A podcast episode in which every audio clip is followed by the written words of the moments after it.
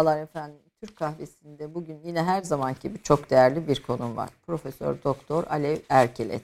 Alev Erkilet ismini hem kendi hikayesinde 28 Şubat'la kesişen hikayesinin bölümlerinde hem akademik serüveninde hem de ortaya koyduğu eserlerde e, sosyoloji alanında ilgilenen e, herkes çok yakından bilir.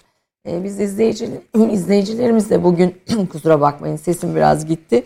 İzleyicilerimizle bugün onun birikimini, e, çalışmalarını paylaşmak istiyoruz.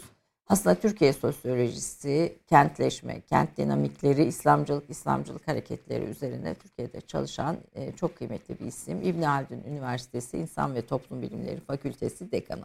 Hoş geldiniz. Sizi çok uzun süredir konuk Hoş etmek bulduk. istiyorduk. Hem çalışma alanlarınız itibariyle her birisi ayrı bir e, bizim için önemli e, konuşulmaya değer. Hem de kendi hikayeniz. Yani Türkiye'de e, dindar e, başörtülü kadınların e, serüveni bir 20 yıl öncesinden e, hatta 30 yıla yakın bir sürenin doğru, içinde doğru. ki serüveni e, sizi akademideki hayatınızı, duruşunuzu nasıl etkiledi? E, biraz ondan ama biraz da eserlerinizden e, ilerleyen bir sohbetle devam etmek istiyoruz.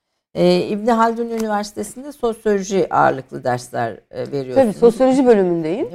Evet. Ee, zaten ama e, hem sosyolojideyiz ama aynı zamanda interdisipliner bir yaklaşımla. Onun için sordum hani evet. hani farklı hangi alanlarla ilgileniyorsunuz Aynen diye. öyle. Yani hem biz hem de bileşim olarak ekibimiz e, interdisipliner. Mesela antropoloji ağırlıklı, işte siyaset çalışmaları ağırlıklı, şehir çalışmaları ağırlıklı bir ekip. Mümkün olduğu kadar bu alanları bir araya getirerek hani günümüzün ihtiyacı da interdisiplinerlik aslında. Tek başına tek bir alana odaklanmak Kesinlikle. değil.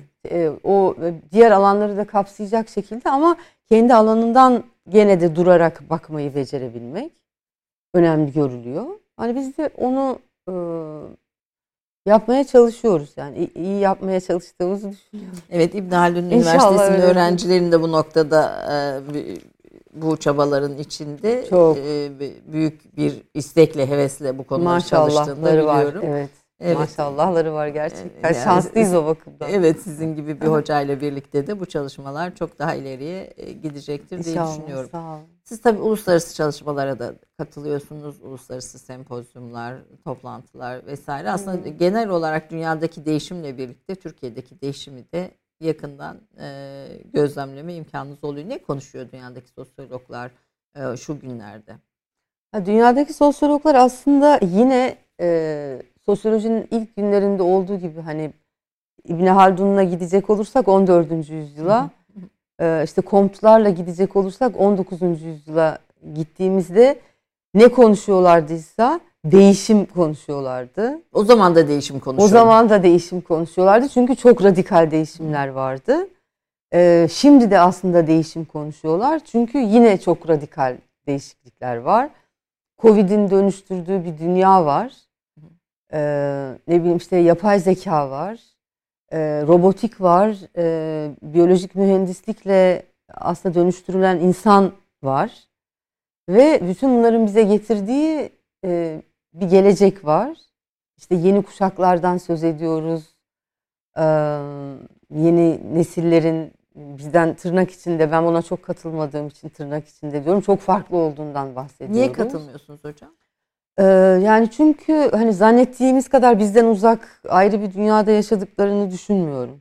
Yeni neslin. Yeni neslin. Yani bizim elbette bir takım şeyleri eleştiriyorlar, bir takım şeylere mesafeli olmaya çalışıyorlar ama aslında hani onlar da bir adaletin peşinde. Ee, e, biz de bir adaletin peşindeydik. E, hala bir adaletin peşindeyiz. Dolayısıyla evet yani şey derdi Sorokin. Hem insanlık tarihi kadar eski hem de tam şimdi olduğu kadar yeni. E, bu, yani toplumsal olguların tartışılması tabii izah şimdi 16. için. yüzyıl eserlerine bakıyorsunuz 19. Ya. yüzyıl eserlerine bakıyorsunuz hepsinde bir yeni insan ismi var. evet. Yeni düşünce, yeni toplum, yeni insan. Ee, bilim kurgularda bile 40'larda yazılan bilim kurgularda bile yeni insan. Ha, hep bir yeni insan var. Bugün de bir yeni insan var. Yani toplumda. Ve ne olacak bu memleketin hali vardı. Gene ne olacak bu memleketin hali var. Yani gelecek kaygısı çok insani bir şey. Hani toplum bozuluyor endişesi çok insani bir şey. Yani antik e, Mezopotamya uygarlıklarında da vardı. Onlar da toplumun bozulduğunu. Onlar da toplumun bozulduğunu, hani kötü bir geleceğe doğru mesela gidebil gitmekte olduğunu, dekadans e, tan bahsediyorlardı. Şimdi de biz aynı şeyden bahsediyoruz. Aslında konular sadece için onların içeriğini dolduran e, meseleler evet, değişti. Çünkü bugünün bugünün koşulları değiştiği için değişimi biraz daha bugünün koşullarında ele alıyoruz. Ama o altlık olarak baktığımızda ben zaten diyorum sosyolojinin bir yarısı düzendir, öbür yarısı değişim. Evet, düzen ve değişim düzen arasında. Ve değişim Peki arasında. biz de programda düzen ve değişim arasında gidelim. Önce sizin değişiminizden başlayalım.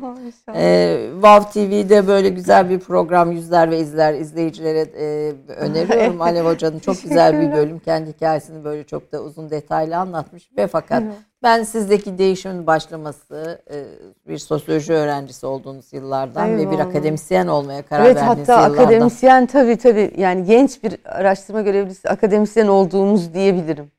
Evet o, o yıllardan başlayarak sizdeki değişimin ve bu değişimin e, Türk siyasi tarihiyle aynı zamanda da toplumsal ve siyasi tarihiyle kesişen, çakışan e, yönlerini e, dinlemek istiyoruz. Buyurun. tamam birlikte inşallah. Ben peki hani böyle izleyiciler için de böyle bir tekrar ve e, sıkıcı olmaması açısından. Yani modern ve altını, seküler bir ailede büyüdünüz evet, e, ve aileniz sizinle hiç aynı görüşte değildi. Evet. E, ama, ama e, yani bendeki hikayenin o Türkiye'nin tarihsel süreciyle ilişkisini sorduğunuz için söylüyorum. Hani hikayenin o tarafını belki daha fazla evet, evet. konuşabiliriz. Çünkü hani o dönemde e, yani bende olan değişikliklerden bir tanesi e, ki bu sosyolojik bakış açısıyla ilgili diye e, düşünüyorum ben. Şimdi biz kültürlerin farklılığından bahsederiz. Evet. Hani biraz da Sorokin çalışmışlığım var. Çok sevdiğim bir insandır. E, onda böyle üç bileşenli bir kültür analizi vardır. E, değerler, e, davranışlar ve maddi kültür unsurları diye. Ve Sorokin bunların yani üçünün sağlıklı normal toplumsal yapılarda e, tutarlılık halinde olması gerektiğini söyler. Yani başka bir şeye inanıp başka şekilde davranıp ne bileyim maddi kültür unsurlarımız da birbirinden farklıysa yani orada bir problem var. Aslında kültürel anlamda bir tür böyle şizofreni gibi, bir yarılma gibi bir duruma tekabül ediyor aslında bu. Ve Sorokin diyor ki yani normal, işte sağlıklı toplumlarda bunlar kendi içinde tutarlıdır. Ee, benim asıl dönüşüm sürecim biraz da Türkiye'de bunun olmayışını tutarsızlığın içinde fark ederek başladı. başladı.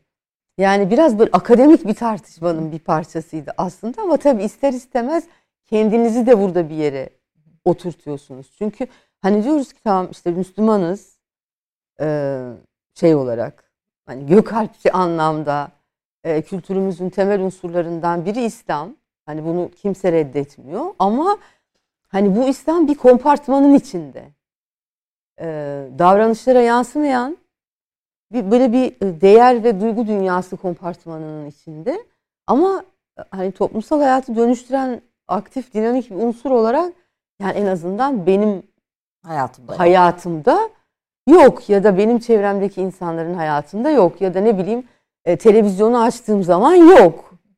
Ancak işte Ramazan aylarında hatırlanan hatırlanan hani bir ay din ayı derdim ben ona. Yani bir ay herkes tarafından hatırlanan, bütün gazeteler Kur'an-ı Kerim verir, bütün e, işte gerçi TRT zamanları bir tane televizyon ama gerçekten baskın, orada kültürel e, enfazede evet, baskın bir alanda. Yani din ilk defa orada görünür olur.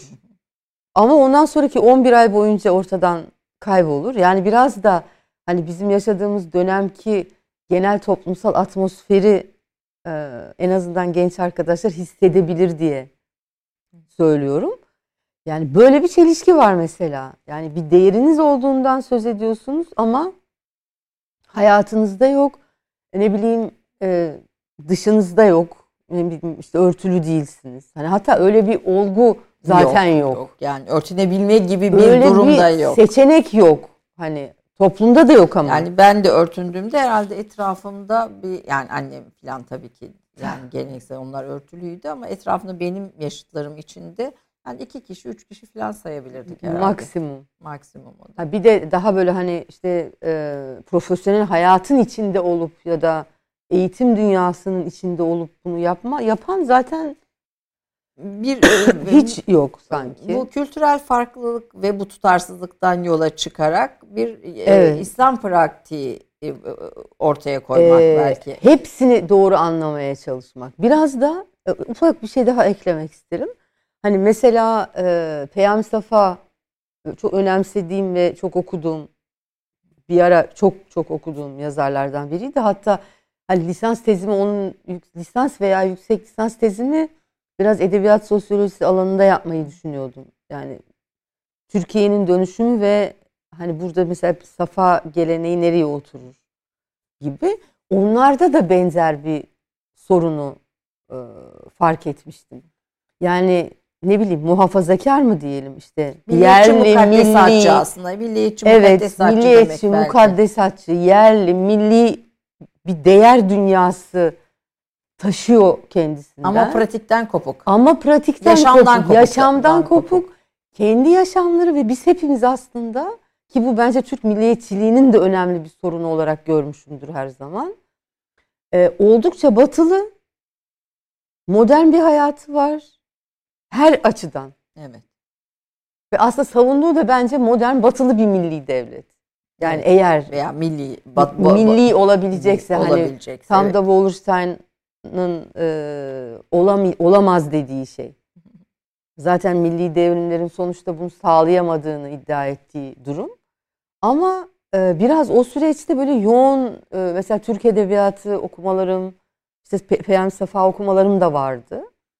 Hani onlar biraz bir araya geldiğinde sanırım e, bir şey oldu, bir tür aydınlanma hali oldu. Yani e, tamam her şey güzel, hoş ama hayattan kopuk. bir sorun var yani bir kopukluk var, bir kompartmanlaşma durumu var ve aslında konuştuğumuz şeyi tam olarak bilmiyoruz. Bildiğimiz şeyi de yaşamıyoruz. Ee, deyip bunun üzerine böyle biraz şeye çekildim ben. Hafif bir inziva hali. Örtündünüz, aileniz Daha başı- örtünmeden, örtünmeden. hatta e, böyle bir okuma e, inzivası. Hepimizin o süreçleri böyle benzer hikayelerimiz. Evet, evet. Yani çok keyifli bir süreç olduğunu söyleyebilirim. Ne bileyim işte e, işte herkes yazlığa gidiyor, denize gidiyor, bir şeye gidiyor. Ben böyle koli Bizde koli kitaplarla. oraya gidip sabahtan akşama kadar elimde bir kitapla mesela oturuyorum aile oturduğum yerde falan. Tabii bu bütün bunlar yine de e, hazmedilebilir oluyor. Fakat örtülme kararınızla birlikte bunlar Tabii, o, hazmedilemez e, bir boyuta o geliyor. çok, o dönemde. e, evet, öyle Şimdiden bunlar oldu. belki biraz afaki geliyor. e, Özellikle gençleri, genç izleyiciler ama biz bunların içinde yaşayan bir Ya kuşak tabii olarak. E, Ha, son dönemde de zaten yine de kabullenilmemişti. Yani kendi köken ailem olarak bakıldığında e, yine kabullenildiğini söyleyemem yani. Ancak işte sevgi ve muhabbetten kaynaklı e, tahammül diyebilirim. Yani hala da ailede çok içselleştirildiğini Yo, yo, e, sö- söyleyemem diyorsunuz. Yani Türkiye'nin hikayesine tabii bizim burada bunları bahsetmemiz kendi kişisel öykülerimiz değil elbette sizin de öyle ama Türkiye'nin hikayesinin eklemlenme süreci e, bunun içinde var. E, burada amel yoksa praksis yani hayat da yoksa fikir de yoktur Evet, evet. diye bir cümle kullanıyorsunuz. Bütün derslerde de bu, bunu kullanıyorum e, diyorsunuz. E, Evet. Ve amel, O- amel yoksa, e, praksis bunun uygulaması da yoksa fikir de yoktur. aynen Yani öyle. bunların hepsi Evet ya Bir- da şeyde lafta pardon çok affedersin sözünüzü kestim. Yani buyurun. lafta kalıyor. Ya da işte hani Sorokin'in tabiriyle böyle soyut kitapların e, içinde. için. E, örtünme sürecinizle birlikte aslında bizim sizin ismini duyma e, zamanımızda o Doğru benzer diyorsun. dönemler içinde geçerken akademik diyorsun. hayatınız ve tezinizdi. Doktora tezinizdi. E, doktora Evet. düzeyinde e, İslami konularla ilgilenmeye e, başladım Evet, yoğun diyorsunuz. Olarak. Orta Doğu'da modernleşme ve İslami hareketler ki bu kitabınız bugün e, büyüyen, Evet. büyüyen ay yayınlarından da çıktı. Evet. Çok da kıymetli. Hani bir Teşekkür e, ederim. dö- dönemde bugünü de hatta anlamak e, için. E, buradan başlayalım. Tezinizle ilgili neler yaşadınız? Tabii burada Türkiye'nin hikayesi hep bir şey e, Tabii. arka planda bizim için önemli. Ya tezle birlikte bir kere tezle birlikte gene o hani e, lisedeki, üniversite dönemindeki o kapanıp okumalar e, daha karma okumalardı. Biraz daha hani yolunu bulma arayışı içindeki okumalardı. Çünkü daha gençsiniz yani Evet. aslında daha Fikirleriniz çocuksunuz, havada e, uçuşuyor neredeyse. yani. Fikirleriniz havada uçuşuyor, heyecanlarınız havada uçuşuyor. E, ama işte tezle birlikte olan okumalar bence artık daha e, amaçlı oldu. Ya da daha sistematik, Sistematik oldu. hale geldi. Ya da hmm, çünkü ötekiler de kısmen sistematikti. Diyelim işte bir yazarı tümüyle anlama, bir meseleyi tümüyle anlamaya odaklanıyordu. Ama burada artık e, şunu ben anlamıştım. Yani e, dünyada ve Türkiye'de e, İslam nasıl algılanmış, e, bununla ilgili nasıl görüşler ortaya konulmuş ve yavaş yavaş bu benim İslamcılıkla olan ilgim. e, Bir akademisyen bir olarak da aynı zamanda. akademisyen olarak da yani bu fikrin hayata aktarılma sürecindeki kurumsallaşma meselesi nasıl tartışılmış? Belki böyle daha yumuşak daha ifade doğru edebiliriz. söyleyebiliriz. Ee, diyorsunuz ki örtünmenin yanı sıra çalıştığım konuların İslami konular olması üniversitede bir huzursuzluk yaratmıştı. Tezin artık netleşmesiyle birlikte bir krize dönüştü.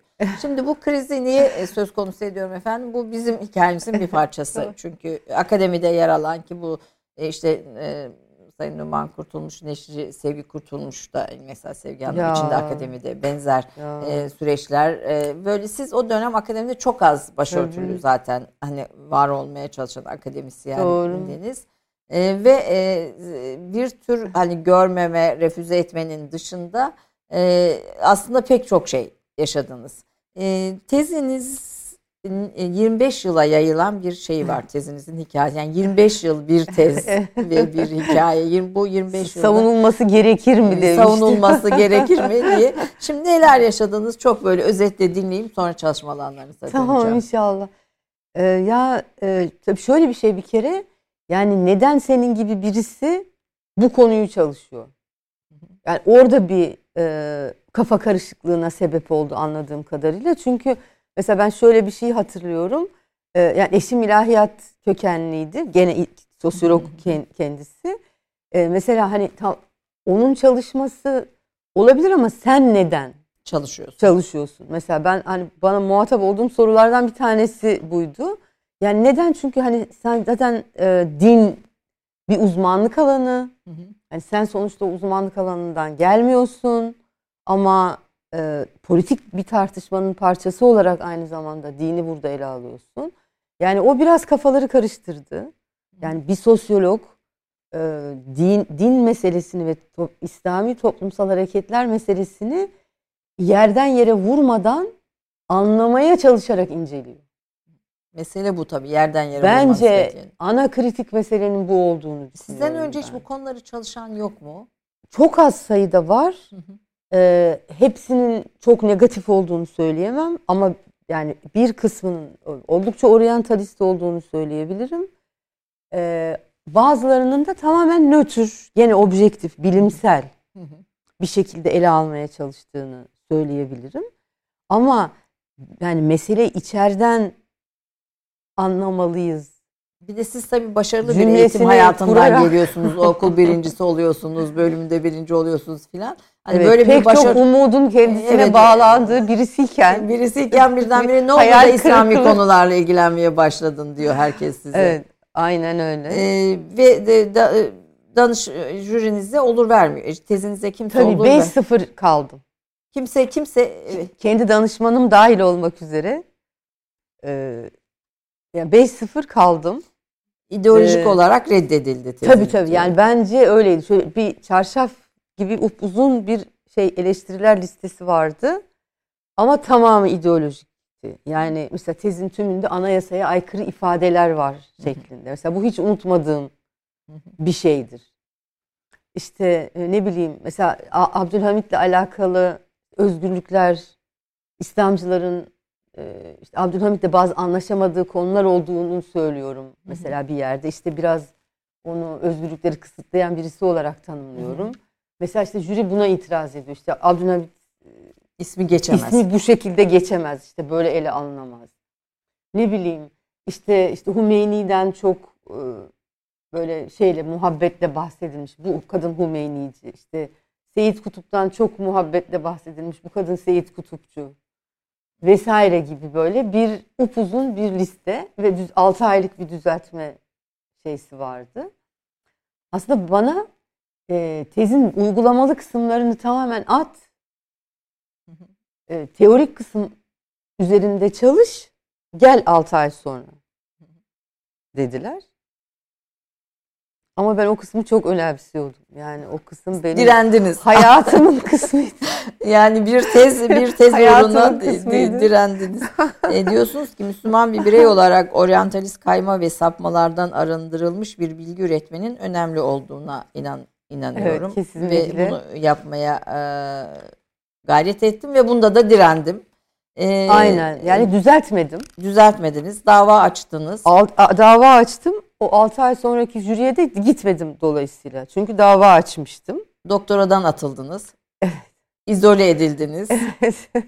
Ee, ve bu, bu sürecin içinde akademik hayatınız devam etti mi? Ders vermeye devam Ee, edemedim tabii. Çünkü derslerden kesilmiştim. Yani dersten alınmıştım. Ee, ya okuldaydım.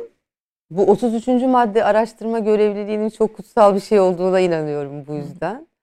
Çünkü o 33. madde sebebiyle bizi öyle canları istediği gibi atamıyorlardı.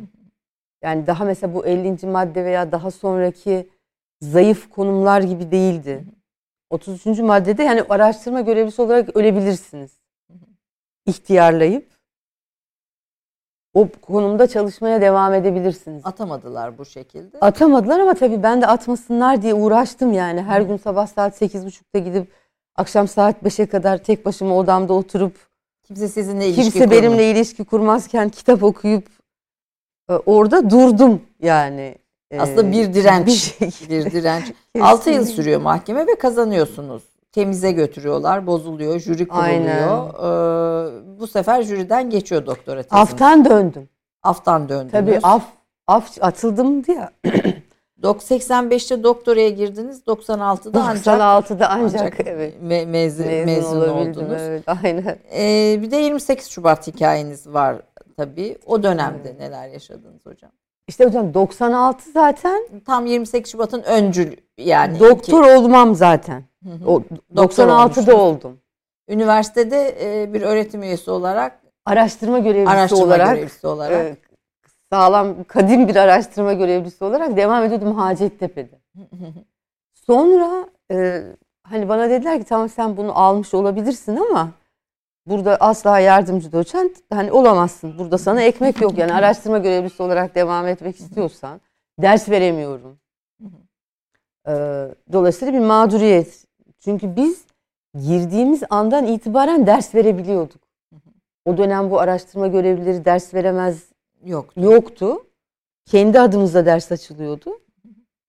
Kendi öğrencilerimiz vardı. Ve benim akademide olma sebebimin yüzde doksanı zaten öğrencilerdir. Yani öğrencimi seviyorum, dersi seviyorum. Dolayısıyla bir kere o derslerin alınması zaten çok ciddi bir mağduriyetti bence benim açımdan yani. E baktım bu böyle devam edecek. Ben e, Kırıkkale'ye gittim. Yardımcı doçent olarak. E, Beşir Hoca'yla. Beşir, Evet. evet. e, Beşir Hoca ile burada selam Kulakları edelim. çınlasın Evet. selamlar ve saygılar. E, beraber çalışma Evet. imkanı bulduk diye çok mutluyduk. Ama bulamadık çok fazla. Çünkü işte 97 98 zaten ben 97'de başladım. Evet, Çünkü kızım doğmuştu. evet, evet. Aradan 98'de 28 Şubat Aynen. geldi. 28 Şubat geldi. Bu arada tez basılmıştı. Ee, ve iç kapakta besmele vardı. Hı hı. Tezin kendisi ve besmele sebebiyle tekrar bizim hakkımızda soruşturma açıldı. Suç duyurusunda bulunuldu. Hı hı. Besmeleli doçent. Evet, besmeleci doçent. Besmeleci doçente döndü isminiz. Evet. Sonra yeni bir macera süreci olmuş oldu. Çünkü e, bu sefer yani şey laiklik, laikliği yıkma e, tehdidiyle e, suçlandım. Sadece kitap sebebiyle. Sadece test sebebiyle. Ağırlıklı olarak besmele ve konular sebebiyle. Dolayısıyla bu sefer biz mahkemelik olma sürecine girdik. Yani ben dava açmadım. Bu sefer onlar benimle ilgili Dava açtılar. dava açmaya e, yöneldiler ama e, olmadı. Çok şükür o şey oldu. Yani reddedildi. Hı hı. Laik düzeni yıkma suçlamasıyla DGM'ye gitmemiş oldum. O zaman DGM'ler vardı.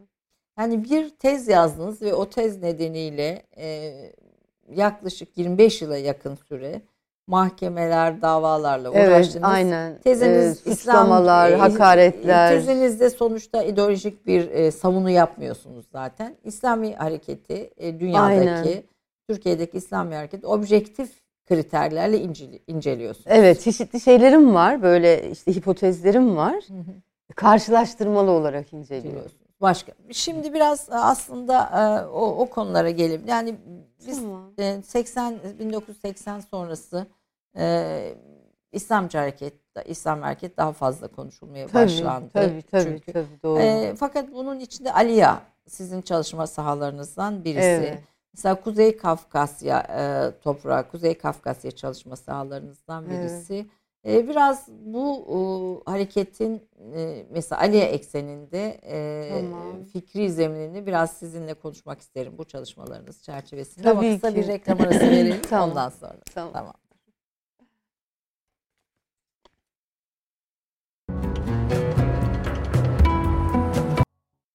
Efendim e, Türk kahvesinde bugün Profesör Doktor Alev Erkilet konuğum İbn Haldun Üniversitesi Sosyoloji Bölümü öğretim üyesi. E, onun e, kendi hikayesini ilk bölümde biraz dinlemiştik ama dediğim gibi detayları e, Vav TV'de bir programda çok güzel aktarıyorsunuz daha uzun. Biz e, biraz kitap ve kitap konularına da değinmek için e, onu biraz daha kısalttık. Tabii. Aliya üzerinde çalıştığınız liderlerden birisi. Evet. Özgürleştirici bir önder diyorsunuz. Aliya Evet. İzzet Begoviç ve bu çağın e, gerçekten e, fikirleriyle bu çağa iz bırakmış. Müslüman Evet. dünyasına iz bırakmış birisi. Biraz Aliye, Aliye fikirleri, Aliya'nın fikirleri ve aslında bize miras bıraktığı şeyi e, dinlemek isterim sizden. Ee, Tabii hani kendi perspektifimden, kendi Tabii ki. okumalarım çerçevesinde. Evet ben Aliye'yi çok seviyorum da özel olarak. Sanırım Ali Şeriatı ile beraber e, Kutup da dahil olmak üzere ama e, Şeriatı ile Ali İzzet Begoviç'i böyle daha e, kendi bakış açıma da e, yakın hissediyorum zannedersem.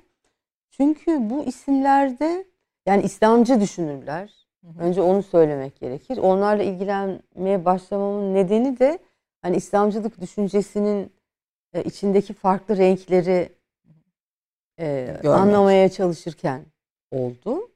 E, esas tezim itibariyle baktığımızda e, bir Orta Doğu çalışması benim tezim. Dolayısıyla Bosna buna dahil değildi. Türkiye, İran ve Mısır birbirleriyle karşılaştırarak e, işte mesela hani neden devrim İran'da oldu da Tocqueville'in Fransa için sorduğu soruyu sordum. Neden devrim e, birçok yerde devrimci hareketler varken Ama Fransa'da oldu. sadece Fransa'da oldu. Hani burada da bütün Orta Doğu bir İslami arayışla e, çalkalanırken neden devrim sadece İran'da oldu sorusunun cevabını bulmaya çalışıyorum. İşte dolayısıyla mesela işte hmm, Hasan el-Benna'yı, Seyit Kutub'u yani ihvanı ana damarlardan biri olarak inceliyorum filan. E, Aliye o sırada çok fazla e, eksenime girmemişti. Ne zaman girdi? Özellikle e, tarihe tanıklığım e, kitabının çevirisiyle ilgili bize e, bir talep geldiğinde e, çok şükür yani o eski çevirisi e, küredeyken olan Evet.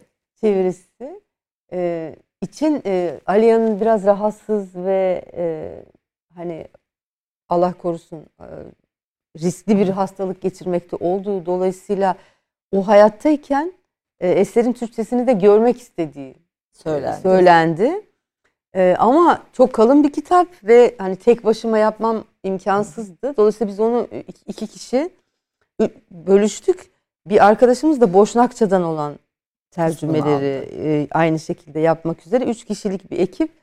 Biz bu metin çevirisi üzerinde e, başladık, yoğunlaştık. E, yani biraz da e, Bosna, Kafkasya meseleleriyle her zaman e, Boşnak ve Çerkes karışımı bir e, birey olarak hep ilgim vardı. Dolayısıyla e, o metin beni e, Aliya'nın hayatını çok yakından e, düşünseniz adım adım yaptığı her şeyi anlatıyor. E, kendi politik görüşlerini, e, İslamcı düşüncesinin nasıl oluştuğunu, bunları nasıl kaleme aldığını, sonra bunu Bosna'nın e, bunun için hapis yattığını, e, sonra işte Bosna için bir mücadele vermek gerektiğinde nasıl böyle çok temiz, e, etik manada da e, her tür ötekinin de saygıyla anmak zorunda kaldığı çok temiz bir mücadele verdiğini, devlet başkanı olarak hani nasıl e, nasıl diyelim alçak gönüllü olmayı Mütevazi başardığını. Olma. Ya bunları görmek tabii ona olan ilgi ve muhabbetimi artırdı ve daha sonra kendi metinleri üzerine yoğunlaştım. İşte İslam Deklarasyonu, işte köle olmayacağız, ee, Doğu ve Batı arasında İslam. İslam evet. E, gördüğünüz fark neydi? Yani işte Aliye'yi bir adım öne çıkartan ve aslında bugün modern dünyada hmm. 20. yüzyılın tabii e, biçimiyle söylüyoruz. Yani 20. yüzyılda postmodernliği konuşuyoruz ama 20. Evet. yüzyılın o modern dünyasında e, tabii modernizmin tek bir bagajı yok. Yani bir tarafı pozitivist, bir Kuş, tarafı maneviyatı reddediyor, bir tarafı son derece kuş, kuş. sayısalcı, bilim eksenli bir dünya kuş, görüşü, seküler bir dünya görüşü. Bunun içinde Aliye'yi ve biraz da Avrupalı yani Aliye evet. aslında.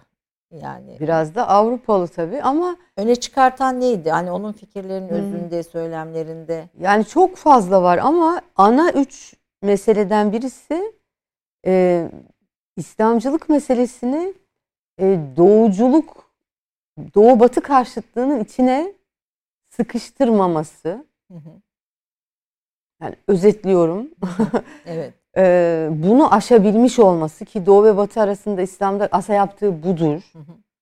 E, yani hani batı karşısında biz doğuyuz tartışması vardı ya. Evet. Aliye bunu aşar. Hayır İslam ne doğudadır ne batıda hepsinin üstündedir ve bütün dünya içindir. Yani biz sadece Müslümanlar için konuşuyoruz. Biz sadece Müslümanlar için iyi olacak bir şey söylüyoruz değil. Biz tüm insanlık için iyi şeyler söylüyoruz. İyi şeyler söylüyoruz. İyi şeyler istiyoruz. Hani ümmeti böyle bir İslam devletleri federasyonu olarak tanımlaması. O nasyonalist e, sınırlar milliyetçiliğin dışına çıkartması. Çıkarabilmesi. Çünkü çıkarabiliyormuş gibi görünür ama çoğu çıkaramaz. Onda bunun rahat rahat bunun aşıldığını görürsünüz. İçeride e, her tür ötekileştirmeye karşıdır ve e, çok kucaklayıcıdır. E, yani İslam toplumu Müslüman olmayanın da içinde huzurla, güvenle Yaşadım. var olmak ve isteyeceği, yaşadığı ve yaşamak isteyeceği bir yer olarak tanımlanmıştır onun kafasında. Evet. Ee, kadın meselesi, e, Mehdi beklemeyin, bir gün birisinin gelip sizi kurtarmasını beklemeyin. Bugün, burada, şimdi hı hı. vermeniz gereken mücadeleyi verin. O zaman onun gelişini kolaylaştırırsınız eğer e, hani hayırlı bir şey yapmak istiyorsanız bakış açısı. Mesela kadınların e, mesela kadınlar haremlerde olmamalıdır. Kadının annelik rolünü çok vurgulayarak hatta onunla ilgili de bir eleştiri yazmıştım. O ayrı bir kitapta ama yani biraz gender konusunda hani Ali Şeriati'ye göre biraz daha klasik olduğunu düşünüyorum. Hı hı. Aliye İzzet Begoviç'in. Ama e, hani erkeğinin yanında duran e, anneliği öne, öne çıkarılmış, vurgulanmış güçlü kadın e, teması. E, kenara itilmemiş kadın teması mesela Aliya'da çok güçlü bir şekilde vardır.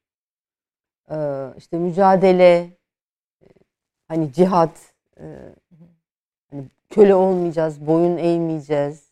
Ama kimseye zarar da vermeyeceğiz. Tabii bunlar böyle e, net çizilmiş sınırlar. Çok net çizilmiş sınırlar ve bunu hani o mücadele sırasında da Gösteriyor. gösterdi Allah rahmet eylesin. Yani hani savaş düşmana benzeyince kaybedilir diyen bir lider. diyen e, birisi yani öteki anlattıklarıyla yaşadığı birebir örtüşüyordu. Ben bu tutarlılığın da çok önemli olduğunu düşünüyorum. Yani hani aynesi iştir kişinin. Ne söylediğimiz değil, ne yaptığımızla belirleniyor sonuçta. Yani bana kalırsa Ali ya böyle e, yumuşak huylu. Ondan sonra entelektüel, beyefendi. Ee, ama devrimci, direngen, siyasetçi. Bir insandı, bir filozoftu, Aynı bir düşünürdü. Sizi, siz de en çok bir sosyolog, bir akademisyen olarak, Hı. profesör olarak da aynı zamanda ve aynı zamanda e, imani e, duruşu olan bir, birisi olarak da e, en çok etki e, uyandıran sözü e, veya hayatından örnek parça ne oldu? Valla ben o e, savaş düşmana benzeyince kaybedilir kısmını çok önemsiyorum. Çünkü o üçlü kültür analizi dedik ya, e, değerler, davranışlar ve maddi kültür unsurlarının kendi arasındaki tutarlılığı. İşte bu onunla alakalı bir şey. Yani makyavelizm değil, bir de şey beni çok etkiliyor. Realizmle hesaplaşması. Onu nasıl, hangi çerçevede ele alıyorsunuz? Yani Onu- bütünsel bakışının altını çok çizil- çiziyorsunuz. Evet.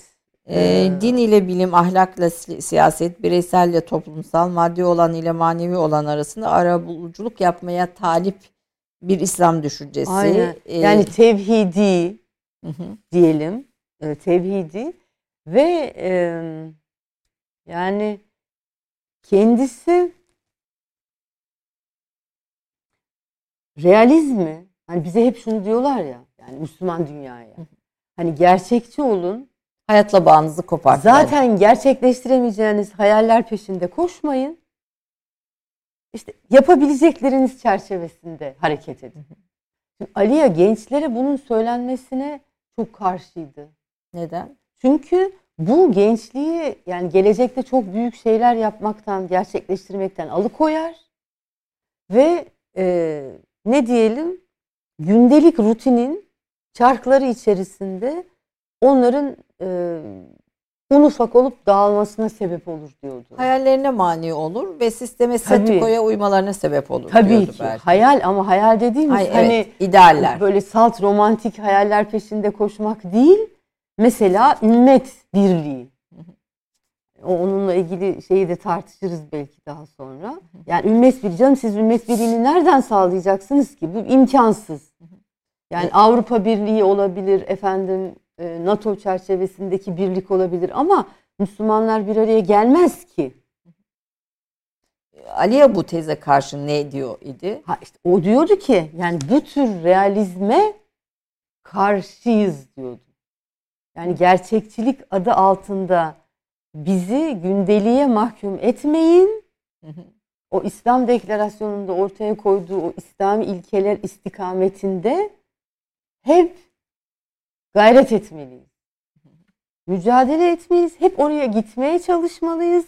Ama tamam yani 10 birim gittiğimizi göremeden belki 5 birim gitmişken öleceğizdir. Hı hı. Ama o bir sonraki kuşak ve bir kurumsallaşma çerçevesinde onu e, alıp taşırsa e, ikinci kuşağın sonunda 15 birim gitmiş olduğumuzu Göreceğiz. göreceğiz. Yani umut dolu ama böyle boş e, hayaller ya da fantaziler peşinde koşmaktan çok nasıl kurumsallaşabiliriz? Aslında buradan şö- şöyle bir şey mi çıkartıyoruz? Yani bir tarafı ayakları yere basan, yani Kuşkusuz, içinde yaşadığı toplumun kuşkusuz. gerçeklerine sırt çevirmeyen, onu anlayan ama öbür tarafı da e, gitmek, gidilmek istenen, ulaşılmak istenen yere, değerlere e, yüzünü dönen bir Evet. e, belki siyaset anlayışı diyebilir Kesinlikle. miyiz? Yani yüzünü dönen ve yürüyen oraya doğru. yüzünü dönüyor ve oraya gitmek için işte çaba sarf ediyor. Ne bileyim e, kitap okuma, işte kitap okuyor gençlerle. Bir şey yazıyor. E, boyun eğmiyor. Boyun eğme yani sen kabul et yanlış yaptığını. İşte özür dile seni çıkaralım diyorlar. Hayır ben hapis yatmaya devam edeceğim diyor mesela. Hani örneklik Teşkil e, ediyor teşkil etmesi de bence e, çok önemli. Hani bir de dediğim gibi zarafetle. Evet. Böyle o hani ben hep onu derim maço erkek e, lider şeysinin çok dışında e, böyle e, İncelikle. incelikle, zarafetle, e, beyefendilikle şeyi götürmüş olması. Siyaseti götürmüş Yani asker olması. çizmesini birlikte götürmeyi başaran bir adam olması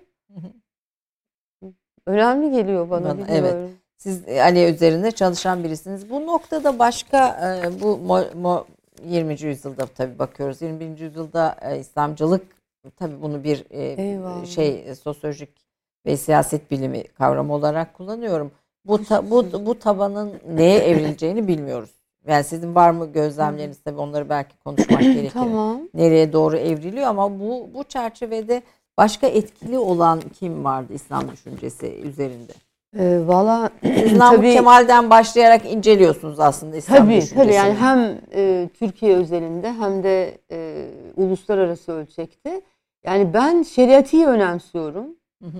Çünkü onu e, Aliye'ye yakın buluyorsunuz. Buluyorum. Başka daha farklı, Mesela Seyit Kutub'u çok önemsiyorum. farklı daha farklı isimler onlar böyle daha Ee, bildiğimiz. Sezai Karakoç'u önemsiyorum. Mesela Türkiye İslamcılığını topyekün önemsiyorum. Çünkü hani illaki e, evet işte bu benim İslamcılığım dememize gerek yok. Ha ben mesela Erbakan'ı da çok önemsiyorum. Hani Allah rahmet eylesin. Yani e, Refah Partisi geleneğini de önemsiyorum. Hani e, Ya, vakti orada- zamanında oldukça eleştirmiş de olmakla birlikte Hı hı. e, hani çünkü Orada önemsediğiniz şey ne? işte aynı o İslamcılık damarı. Hı hı. Ee, mesela Sezai Karakoç e, Üstad'la ilgili Allah rahmet eylesin yakında bir sempozyum vardı Zeytinburnu Belediyesi'nde. E, belediyesi bünyesinde. E, onun işte metnini gözden geçirip yakın zamanda e, gönderdim. Aynı şeyin üzerinde durmuşum. Yani o İslamcılık dediğimiz şey ne?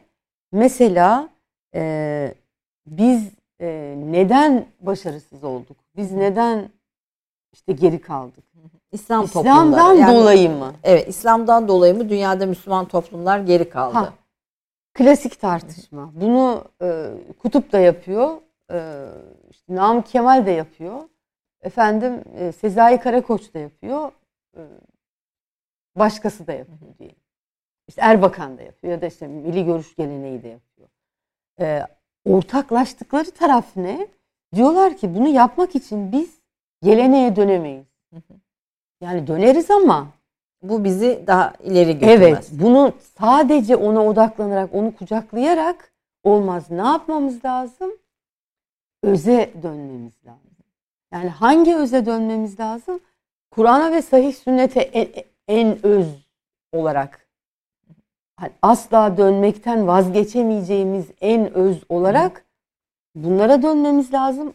Sonra hani e, farklı düşünürlerin seviye seviye e, daha geleneksel unsurları da o öze kattıklarını görüyoruz. Bazılarının da katmadıklarını görüyoruz. Hatta sünneti bile Kur'an süzgecinden geçirilmiş sünnet diyerek e, sünnetin tamamını ya da işte hadisin tamamını almayan bakış açıları da var. Ama e, bu daha çok küçük bir azınlık. Gene, genel olarak İslam damarı, İslamcılık damarı dediğimizde bir kere bu öze dönüşçülüğü ben e, mutlaka Milli görüşün içinde önemli bir adım e, olarak. tabii görüyorum. ki mesela ümmet meselesi e, D8 e, bunu söylemiş olması. Ama e, dediğim gibi yani biz bunları case case alıyoruz. Mesela D8'i Hı hı. e, yahut da işte o milli görüş geleneğini, oradaki geleneği e, alıyoruz. Bu ona her zaman uyacak anlamına gelir mi? Gelmez.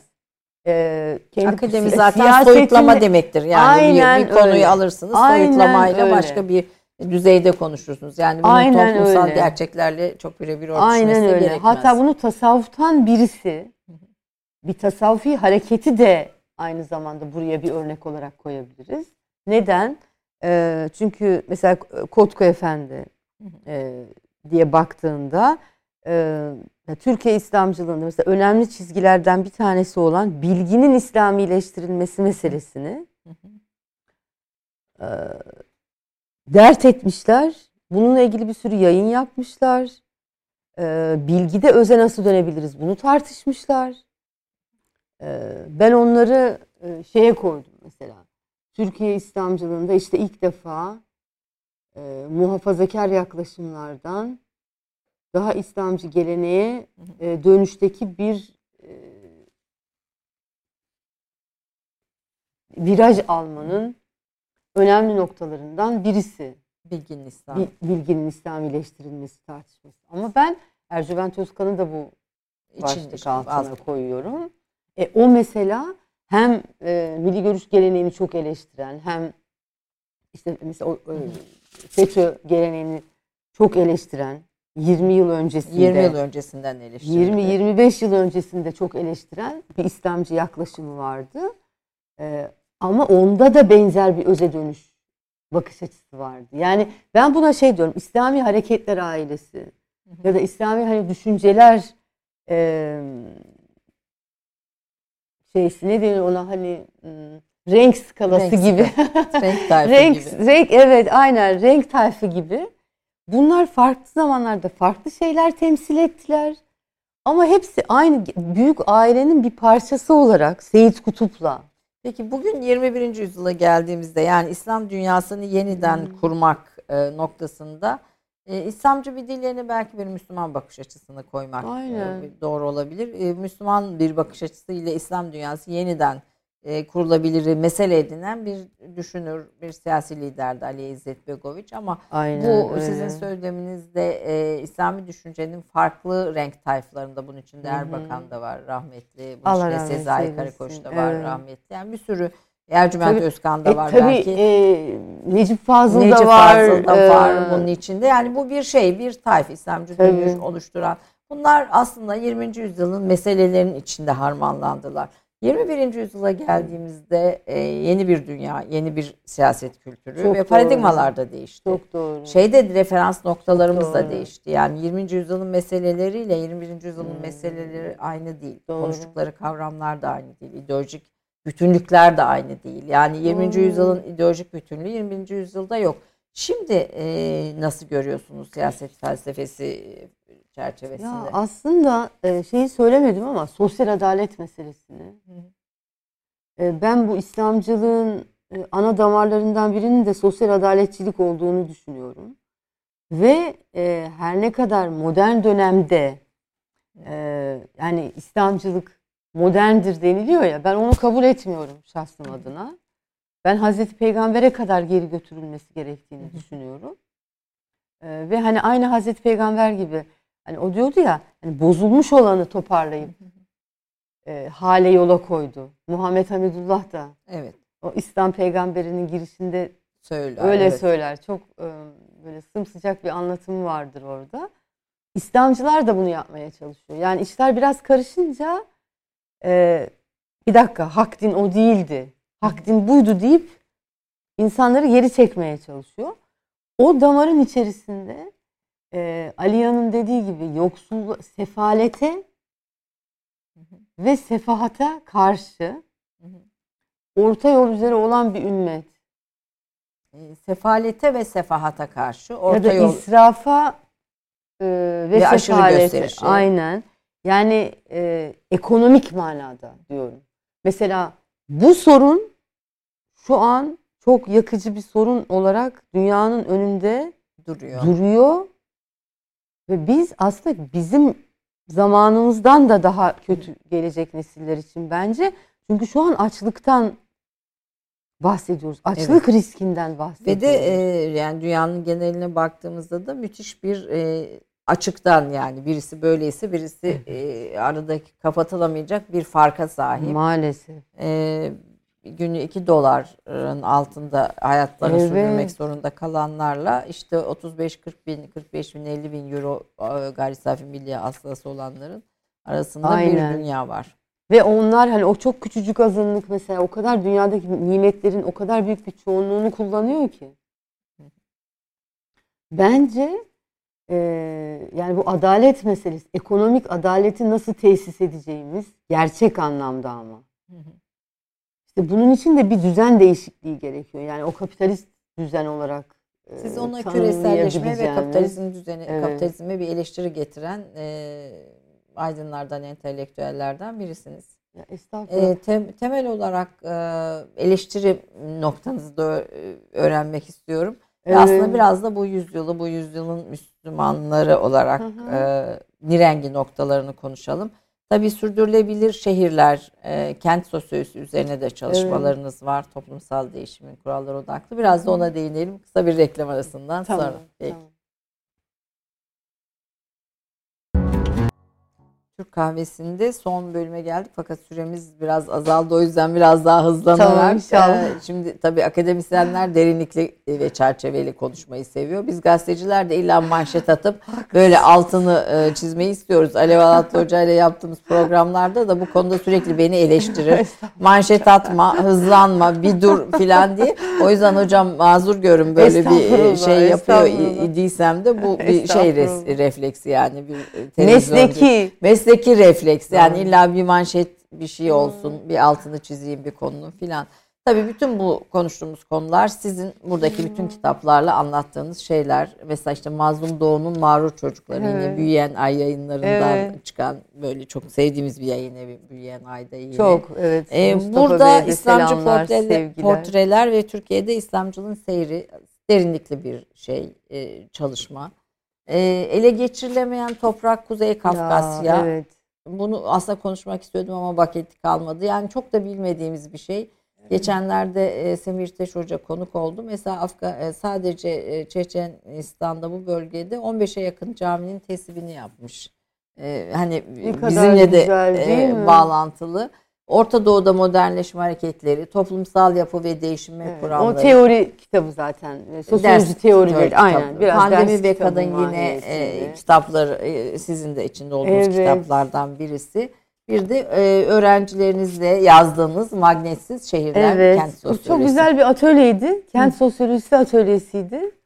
Ee, oradaki öğrenci arkadaşlarımızın ürünlerine e, ben de bir çerçeve yazısı yazdım. Çok güzel bir çalışma oldu. Ne güzel öğrencilerinizle Evet, birlikte onların çok da böyle bir kitapta kendilerini Sağ görmeleri olun. çok keyifli. Şimdi 21. yüzyılda değişim paradigmaları yani siyasetin ve sosyolojinin aslında değişen e, e, ne diyelim her e, zamankinden farklı değişen yani illaki her zamanki değişim başta da söylediğiniz gibi oluyor. E, konuları neler diyeceğim? Sosyal adaletle başlayalım. Böyle, böyle bu yüzyıla biraz daha anlamaya yönelik bize bir perspektif verir diye düşünüyorum. Ya memnuniyetle. Ya şimdi 19. yüzyıl sonu ve 20. yüzyıl itibariyle baktığımızda aslında dünyada oturmuş görece oturmuş bir sistem vardı. Yani 1800'lerden itibaren ki hani Wallenstein'ın e, analiziyle bakacak olursak 1600'lerden beri kendini inşa etmekte olan e, bir uygarlık, bir e, dünya sistem, bir ekonomik ilişkiler ağı vardı. O kendini yavaş yavaş kuruyordu. Bizim işte daha üst yapısal bir şekilde modernlik dediğimiz şey. Modernite dediğimiz şey. Biz onun üst yapısal e, dayatmalarına gayri ihtiyari zaten refleks vermiştik. E, değil mi? İşte hani deminden Evet, beri konuşuyoruz ya. Yani tamam biz Müslümansak o zaman neden bizim Müslüman olduğumuz belli olmuyor tartışmasından başlayan. Bu sekülerizmin dayatılması karşısındaki tepkilerde e, tecessüm eden. Zaten bir süreç vardı. Ama bana kalırsa yani bunun en az İslam dünyasında soruşturulup masaya yatırılan kısmı ekonomik kısmı oldu. Çünkü bu biraz ulaşmak istediğimiz kızıl elma gibi bir şeydi. Yani geri kaldık ya. Dolayısıyla o geri kalmışlık halini aşmak konusunda bir şey yapmamız. Bu da ancak ekonomiyle, o, ekonomiyi güçlendirerek olur. Artı tabii bir şekilde kapitalizmle e, Entegre entegre olarak oluyor. Fakat o arada e, şunu gözden kaçırdık ki kapitalizmin yarattığı korkunç eşitsizlikler var. Tam kapanıştan önce konuşuyorduk sizin de örnek verdiğiniz şey. Aynı toplum içinde olsun, dünya tabakalaşma sistemi içerisinde olsun. Bakıyorsunuz belli ülkeler söze sahip, güce sahip, paraya sahip, saygınlar. Bazı ülkelerse açlıkla kırılıyor. Ee, Savaş, savaşlarla savaşlar. parça parça olmuş. Kimse onların sözüne itibar etmiyor ve e, fakirler ve itibarları ellerinden alınmış. Şimdi hani dedik ya ne sefalet Ne safahat. ne sefahat ne israf ne e, Aşırı gösteriş. aynen öyle. Şimdi bunun o tevhidi çaresinin aslında işte İslam düşüncesinde olduğu kanaatindeyim ben. Ee, böyle Aliye gibi isimler, Ali Şeriatı gibi isimler bunu biraz öne çıkartmışlardı. Yani diğerlerinde İslam'ın ekonomik boyutu hafif ihmal edilmiştir. Neden? Yani İslam'ın bir ekonomik nizam olduğu boyutu.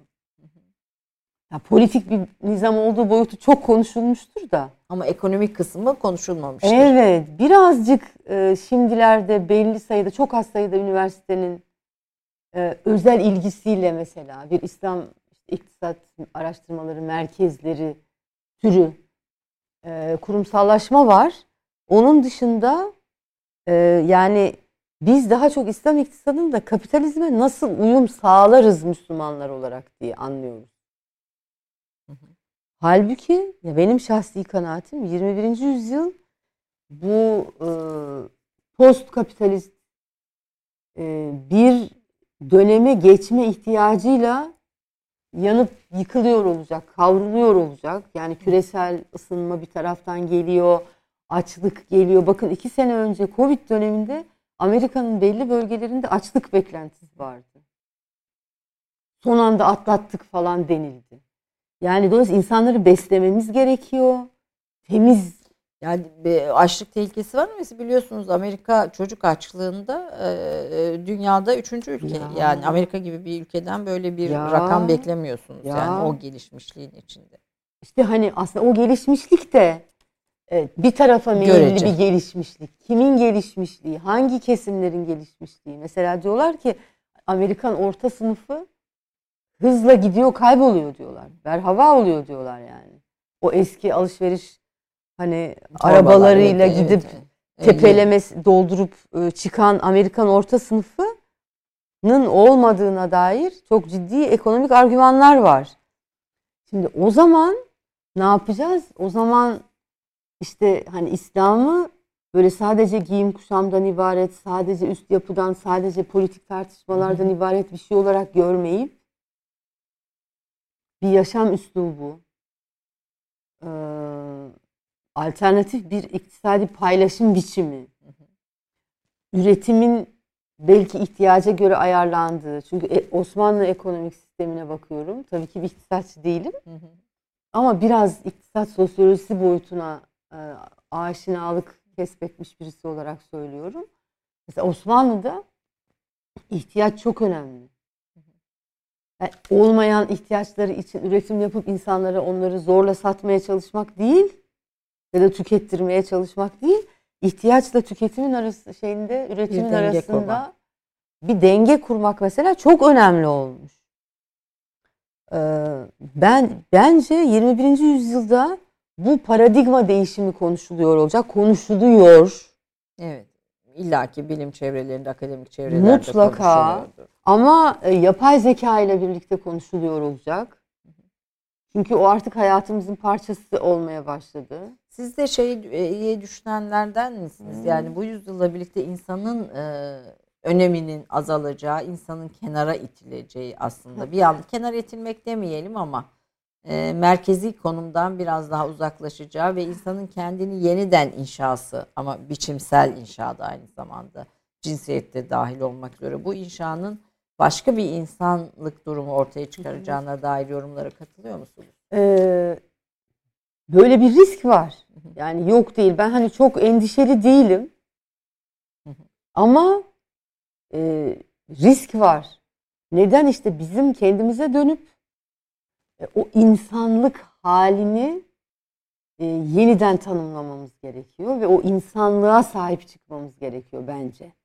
Yani onu biraz şey yapıyoruz ya. İşte o kapitalizmin Ee, e, şeyden Küçümsüyoruz ya. Evet.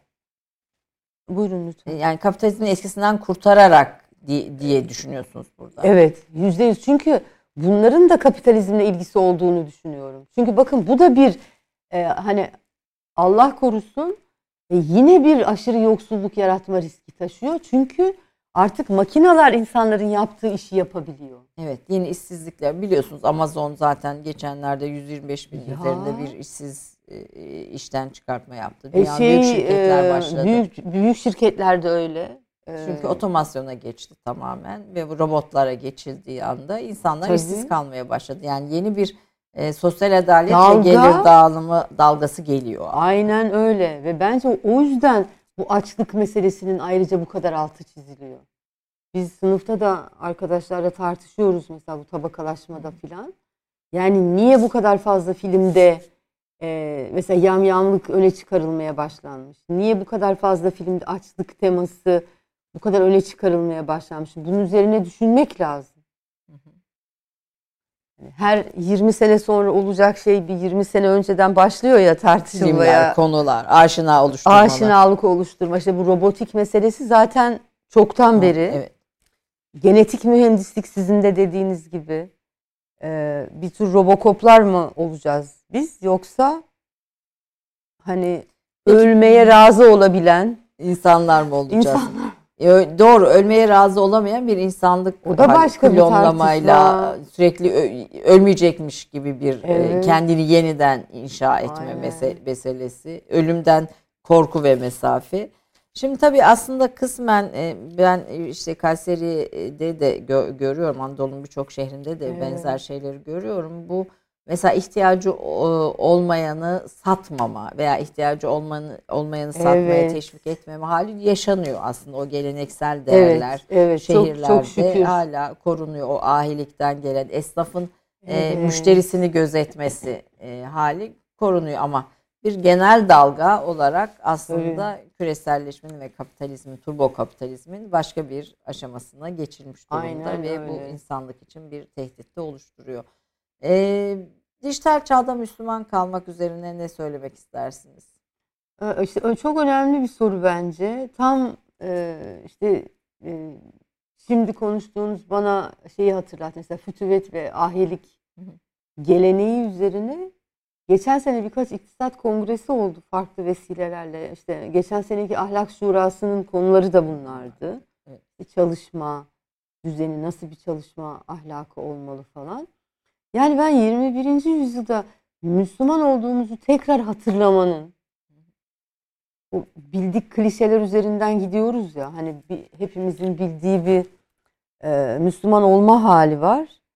O hal üzere gidiyoruz ama e, biraz daha tefekkürle bunun ne anlama geldiğini düşünerek e, bir yeniden İslamlaşma ihtiyacı var benim Hı hı. gördüğüm kadarıyla. Bu ne demek? Bu biraz tefekkürü bir şey işte. Yani e, ben bir iş adamıyım diyelim. Hani 21. yüzyıl koşullarının getirdiği iş adamı mı olacağım? Yoksa o Müslüman kimliğimle gerçekten o 21. yüzyıldaki adaletsizlik yaratan koşulları değiştiren biri mi olacağım? Ne bileyim klasik e, materyalleri mi kullanacağım? Ben mesela şimdi biraz şey üzerine kafa yoruyorum. Yani alternatif e, inşa malzemeleri. Kentleşme, evler, Kentleşme, deprem, de- deprem, deprem, sonrası. post deprem e, aşamasında bizim gerçekten özgün İslami üretimlerimiz ne ya- yaratmış daha önce? Bunlardan acaba bugün faydalanabilir miyiz? Ekonomik ilişkilerimizde faydalanabilir miyiz? Ne bileyim, e, işte kadının e, toplumda hak ettiği yerde olması konusunda e, kendi geleneğimizin bize Hazreti Peygamber'in model ve örnekliğine e, sımsıkı sahip çıkıp onu bugün yeniden hayata aktarabilir miyiz? E, robot, robotun ve şeyin yeri ne olacak? E, çocuklarını doyurmak durumunda olan e, işsiz bir e, babanın yahut da çaresiz bir annenin, annenin durumu ne olacak? Biz orada karı mı seçeceğiz? Dayanışma, yardımlaşma. Dayanışma ve yardımlaşmayı mı seçeceğiz? O ağları mı e, artıracağız? Yani gerçekten seçim dayatması yapıyor. Aslında yol ayrımı. Seç diyor. Yani evet. böyle belki giderek hepimiz hayatımızda yol ayrımlarını çok, çok doğru, hissettik. Yol ayrımı. Ama böyle giderek yüzyılın bende e, uyandırdığı iz, izlenim Değil mi? bizi sürekli seçmek zorunda bırakıyor. Yani yol ayrımları böyle hep ve keskin yol ayrımları. Çok keskin, yol Bu yol ayrımları. ayrımlarından birisi sosyal adalet mekanizmasını Evet. oluşturacak e, bir şey diyorsunuz. Bir o da bir yol Bence ayrımı. ve bu diğer şeyleri de etkileyecek diyorum. Yani ister istemez. Ee, o seçim hani uygun seçimler yaptıkça uygun yerlere hani Allah'ın vaadi var ya. Evet. Hani iyi şeyleri seçe seçe iyiye doğru, kötü şeyleri seçe seçe Allah korusun insan e, yani kendi felaketini Hı, oluşturabilir. oluşturur, Evet.